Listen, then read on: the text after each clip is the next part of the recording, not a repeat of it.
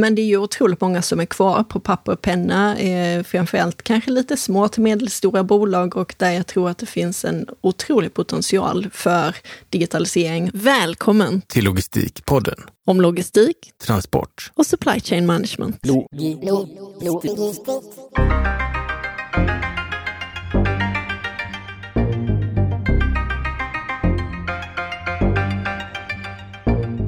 Hej och varmt välkommen till Logistikpodden. Den 3 juni hade vi ett webbinar då vi fick träffa flera av er lyssnare och svara på era frågor. Det här avsnittet är en del av det webbinariet där du får höra svaret på en fråga. Ja, och frågan vi fick den var inskickad av Katarina Malmsten, en av våra lyssnare. Hon ville veta vad som eh, har förvånat oss mest under de sju åren vi har kört podden och vad vi ser fram emot mest eh, i, framtiden. Och eh, en väldigt enkel fråga, men ett otroligt komplicerat eh, svar. För det finns många svar såklart på den. Så att vår diskussion pendlar mellan flera olika ämnen. Men vi kommer att prata om bättre service, AI, papper och penna, kvantdatorer. Eh, kommer vi människor att kunna återskapa funktionalitet i framtidens system? Eh, vad betyder eh, datorisering kontra digitalisering och mycket, mycket mer. Så varmt välkommen till ett Logistikpodden om framtiden. Och den här är från, från Katarina Malmsten från SIB Solutions som tyvärr inte kunde vara med på webbinariet. Hon hörde av sig innan. Eh, men hon ställer en väldigt intressant fråga. När ni nu blickar både bakåt och framåt undrar jag, vilken trend, utveckling eller tekniksprång som överraskat er mest de här åren? Vad är ni mest förväntansfulla kring framåt? Den du Nina, du får börja. Ja, och, och jag tänker att både du och jag är ju framtidsnördar, eh, så att jag, jag satt faktiskt här och funderade lite eh, till min frukost och kände väl att jag inte har blivit överraskad direkt eh, av att någonting har hänt. Jag har kanske snarare blivit mer överraskad över att det går så långsamt.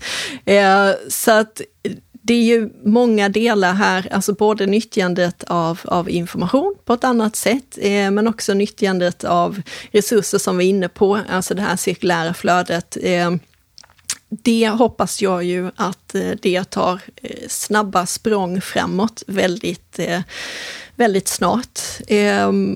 Och det är väl kanske det som är mest förväntansfull också. Jag tycker det är ju ett område där det finns eh, möjlighet till väldigt, väldigt mycket kreativitet, eh, där det börjar hända väldigt mycket och där det också finns väldigt mycket teknik på plats. Så både att nyttja informationen bättre och eh, också att eh, ha möjligheten då att göra det här eh, cirkulära.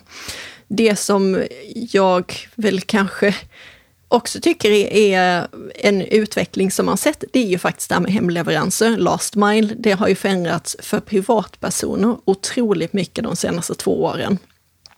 Eh, däremot så kan jag väl också tycka att det jag kan vara besviken över är Eh, när det går fel i processer så tycker jag att det blir eh, mer och mer trassligt att försöka eh, få ordning på det. Det vill säga, för det mesta går det rätt, men när det går fel så möts du av en mur av, eh, du kan chatta med en robot, men då får du inte ange ett ordernummer eller någonting annat personligt, så vi ber dig ringa in och du ringer in och då har du en kö på 56 minuter, men ditt samtal är viktigt för oss. Eh, där någonstans eh, tycker jag man ser vilka företag som jag eh, vill återkomma till. Alltså ett, ett lyckat köp är ju bra så länge det går bra, men när det går fel tycker jag att man ser vilka företag som verkligen har ordning på sina processer och vilka som inte har det. Och där önskar jag en snabb utveckling, för där eh, tycker jag att det är stora utmaningar. Ja, och, och eh, jag kan väl spegla din, eh, om man tittar bakåt de här sju åren, sju och ett halvt, snart åtta, så kan vi väl säga att, att jag har inte heller blivit förvånad jättemånga gånger. Uh, en, en, gång var när jag intervjuade Lars Gren och kom på att han hade varit på Studio 54 1978 i New York. Då pratade vi en hel del om det där. Men det hade inte så mycket med logistik att göra. Jag har ju blivit uh, otroligt inspirerad av alla människor som jag har intervjuat genom åren. Uh, och det är väl det då att jag blir förvånad varje gång jag träffar en ny person och blir väldigt, väldigt intresserad och får höra alla de här fantastiska historierna. Men eh, om man tittar på eh, hur logistikbranschen har utvecklats under de här sju åren, så eh, som Nina säger, Det har kommit in mer och mer fokus på last mile. Det är verkligen en battleground just nu. Last mile är där väldigt mycket utveckling bedrivs eh, på grund av vår, vår ehm, eh, vad ska man säga, ultrabekvämlighetsknarkande eh, som, som man ser framförallt i storstäderna. Och Sverige ligger långt efter vissa andra eh, marknader, men vi ser att det kommer hit också. Och det där driver ju teknisk utveckling, eller teknisk utveckling möjliggör de här typen av tjänster också. Men om man ser det som jag ser fram emot mest, och det här är nästan, eh, det är en lågoddsare, jag tror att alla här vet om det, det är ju att eh, vi måste börja använda AI i eh, logistikbranschen på ett sätt som tidigare inte har gjorts. Vi har idag ett system, jag har varit frustrerad sedan 1988 ungefär, när jag jobbade extra på ett åkeri eh, och Eh, var omgiven av papperslappar från golv till tak. Jag var transportledare på ett åkeri. Hemma hade jag en Commodore 64 dator eh, som då var sex år gammal. Och eh, man använde inte datorer och jag såg en uppenbar eh, liksom möjlighet att datorisera eh, den här verksamheten. Det skedde sen kanske 10 12 år senare och den har skett, men det är fortfarande så att många, eh, många kontor på många transportföretag ser fortfarande likadana ut.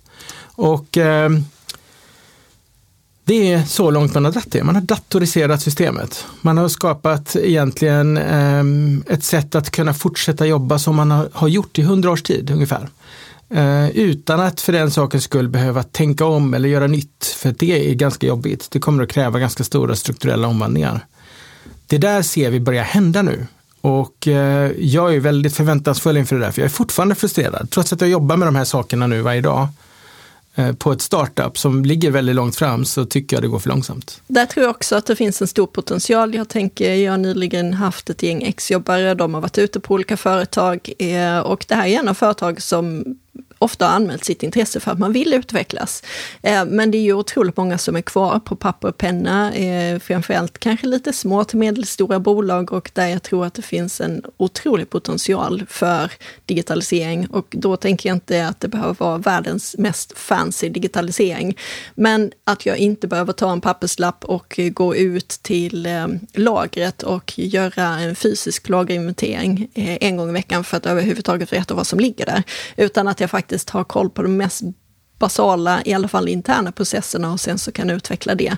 Där tror jag att det finns en otrolig potential inom vår bransch, där det finns väldigt många små och medelstora företag som jobbar eh, med, man har kanske ett antal eh, eh, lastbilar eller man har ett antal lagerbyggnader, man har ett antal kunder och det där kan man ju få betydligt större kontroll på med dagens teknik. Men det är oftast inte den bakgrunden som de har som kanske har startat eller driver företaget och därför känns det också väldigt främmande. Eh, så att en, en enkel guide till så här kommer du igång från papper och penna eh, tror jag skulle göra susen faktiskt. Ja, definitivt. Och det är ju en guide till datorisering kan man väl säga då. Alltså att man datoriserar sina processer som man redan har. Vi människor förstår ju fortfarande hur de processerna fungerar. Vi, vi skulle kunna återskapa det med papper och penna. Det är liksom alltid fallback-lösningen. Det jag är ute efter är att om tio år har vi kvantdatorer som tjänst. Om tio år kommer vi att kunna använda den enorma kapaciteten som en kvantdator eh, medför. Då kommer vi att kunna lösa problem som idag är olösliga. Vi kommer att kunna optimera stora system i realtid. Eh, och eh, de planerna och de beslut som fattas kommer vi människor inte att kunna återskapa. Eh, oavsett hur mycket papper och penna vi Eh, lägger framför oss så kommer vi inte kunna återskapa de besluten. Utan det är helt andra typer av lösningar. Och det där är ju, eh, man ser ju i andra sektorer har ju det redan hänt.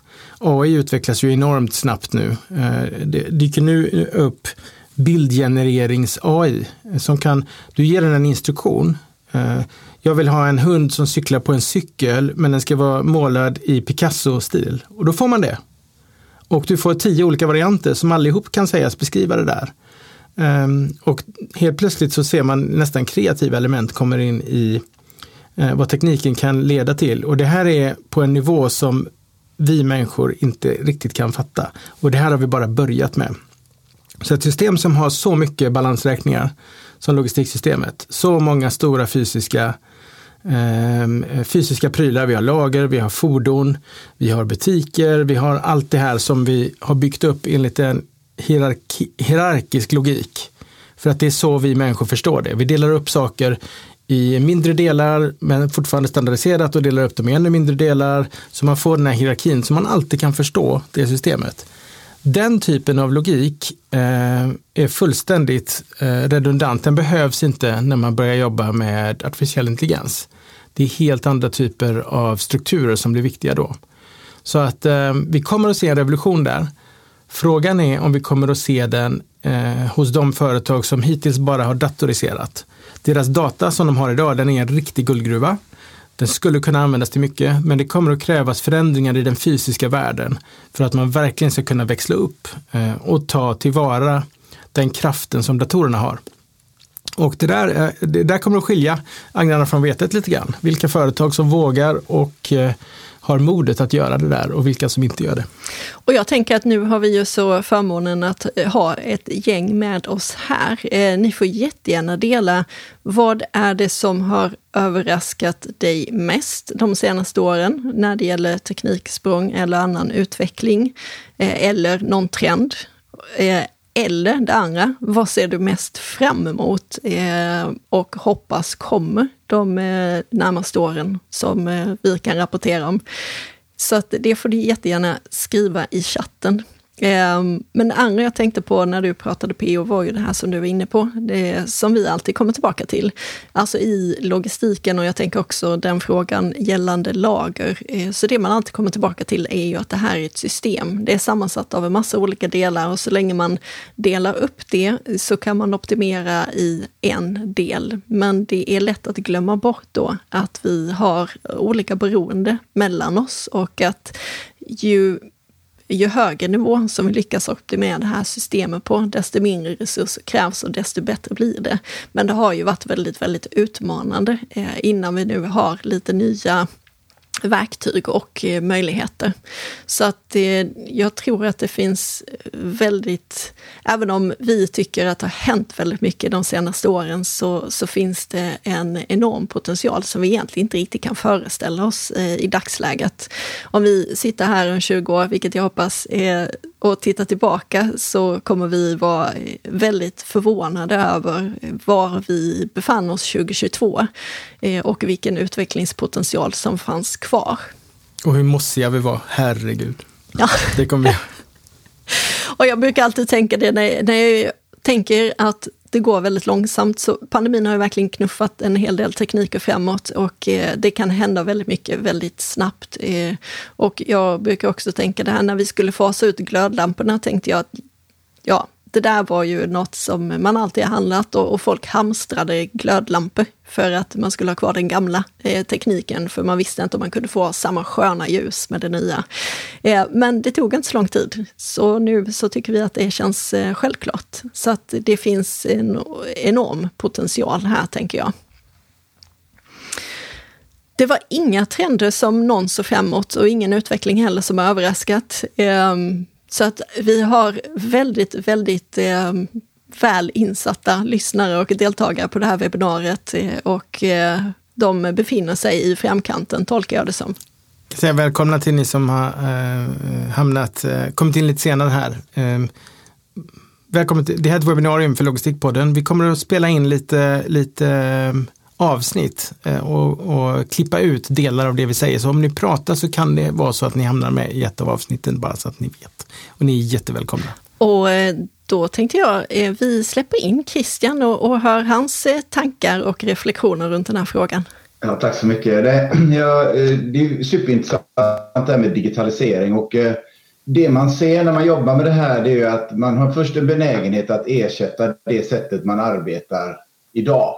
Alltså gör vi en digitalisering så printar vi en pdf. För att då får vi en digital printout av det vi egentligen skulle printa på papper. Och är det digitalisering på riktigt eller är det inte det? Nej, det är det inte. va? Så det är det ena. Det andra är att vi pratar väldigt mycket om teknik och digitalt, att vi ska ersätta, vi ska jobba så. Men det handlar också om människorna. Alltså vi måste jobba med människorna. Att förstå varför vi gör det här och kortsluta. Eh, det pratas om hierarkiska strukturer, det pratas om processer det, alltså, de som lyckas allra bäst med en digitalisering, det är oftast då man, man börjar från början, så man har någon visionär ledare som vågar. Men de, de traditionella stora företagen, de har, bär på en legacy, både process och teknik. och människor. Vilket gör det väldigt, väldigt svårt att bryta igenom. Och det är det som gör också att newcomers, alltså disruptors, får en plats, tror jag, i, i, framåt i, i, i tiden. Så att, eh, och det är bra. Det är bra för det behövs eh, utmaningar och det kommer också skaka om, tror jag, ganska hårt. Och jag tror att eh, den här pandemin och krig och makroekonomiska situationen vi står inför som vi inte egentligen vet vart den tar vägen. Jag kan mycket väl tänka mig att det kommer inte se exakt likadant ut om fem år här. Så att det ska bli intressant att följa. Men jag tycker det är en viktig spaning att i människor, teknik och affär, det måste hänga ihop de här sakerna. Att vi snackar väldigt ofta om tekniken bara. Men det är riktigt, det är ett system som måste hänga ihop och det handlar om beteenden. Jag kommer ofta tillbaka till hur snabbt vi människor kan anpassa oss när, jag, när ni tänker tillbaka på elsparkcyklarna. Jag tror att det tog en månad så hade, hade resandet i Stockholms stad helt förändrats. Eh, tack vare att elsparkcyklarna och den här eh, tillgängliga mikromobiliteten helt plötsligt eh, förändrade folks resvanor. Och det krävs nog en yttre kraft för att skapa en sån förändring i ett system. Ni minns ju Henry Fords citat, om folk hade frågat vad jag skulle bygga skulle de säga en snabbare häst. Att, att det är väldigt svårt att tänka utanför den boxen man befinner sig i. Och det är väl där vi ser då disrupt kreativa krafter och den här nya typen av, av idéer. När de väl får fotfäste så kan det gå väldigt, väldigt fort eh, att få igenom en förändring och sen när man kommer ut på andra sidan så undrar man hur kunde vi klara oss utan det här? När jag fick min första mobiltelefon med kamera, det var väl runt millennieskiftet, så hade jag, vad ska jag med denna till? Jag kommer aldrig att ta foton med min mobil. Dålig kamera, bökigt, eh, låg upplösning. Jag har ju en annan kamera som är så mycket bättre hemma. Det är ju bättre att jag tar bilderna med den. Och se vad vi är idag. Mobiltelefonens kamera används säkert 30-40 gånger om dagen, minst. Men det är ju två jätteviktiga komponenter, just det här det ena med människan. Alltså vi är ju antingen motiverade eller hotiverade, det vill säga att antingen så kan man dingla med en morot och så vill vi fänga oss eller så ska det brinna under fötterna. Oftast är det kanske en kombination, men man har en tendens åt något av hållen. Eh, och då kan det hända saker väldigt snabbt. Det andra är ju det här som du var inne på just med att eh, nya företag, eh, de anpassar ju sig eh, redan till den, alltså de ser ju potentialen i en situation situation att, att det finns en, en marknadslucka och tar ett steg in i framtiden eh, bara genom att existera. medan, eh, precis som Gustav Stenbeck var inne på när vi intervjuade honom, så är det de här gamla drakarna. Det är de som behöver lite mer certifiering, det är de som behöver eh, visa mer att, att de utvecklas eh, på pappret på ett annat sätt. Eh, och där ser man ju också, eh, nu kommer jag inte riktigt ihåg vad jag läste för studie, men just att eh, livslängden på företag och, och, hur snabbt man går igenom en livscykel i ett företag, eh, den ökar ju också i hastighet. Det vill säga att det kommer troligtvis inte finnas sådär jättemånga stora organisationer som lever i all evighet det är ju inte som bara någon generation tillbaka, att man började jobba på en arbetsplats och eh, förvänta sig att man skulle jobba där till pensionen och få sin guldklocka. Utan det händer ju väldigt mycket eh, både inom företag och eh, företag är ju människor som tillsammans krokar arm för att man vill uppnå ett mål som man inte kan göra själv. Så att det är två jätteviktiga aspekter där, både företag och människorna i företagen som skapar förändringen. Varmt Tack för att du har valt att lyssna på Logistikpodden. Vi som gör den här podden heter Nina Modig och Per-Olof Arnäs. Du når oss jätteenkelt via våra profiler på LinkedIn. Du kan också nå själva podden via logistikpodden.se på Facebook, Instagram eller LinkedIn. Hör av dig, vi vill väldigt gärna veta vad just du skulle vilja höra i Logistikpodden i framtiden. Och på logistikpodden.se kan du också signa upp dig för vårt nyhetsbrev. Välkommen dit! Logistikpodden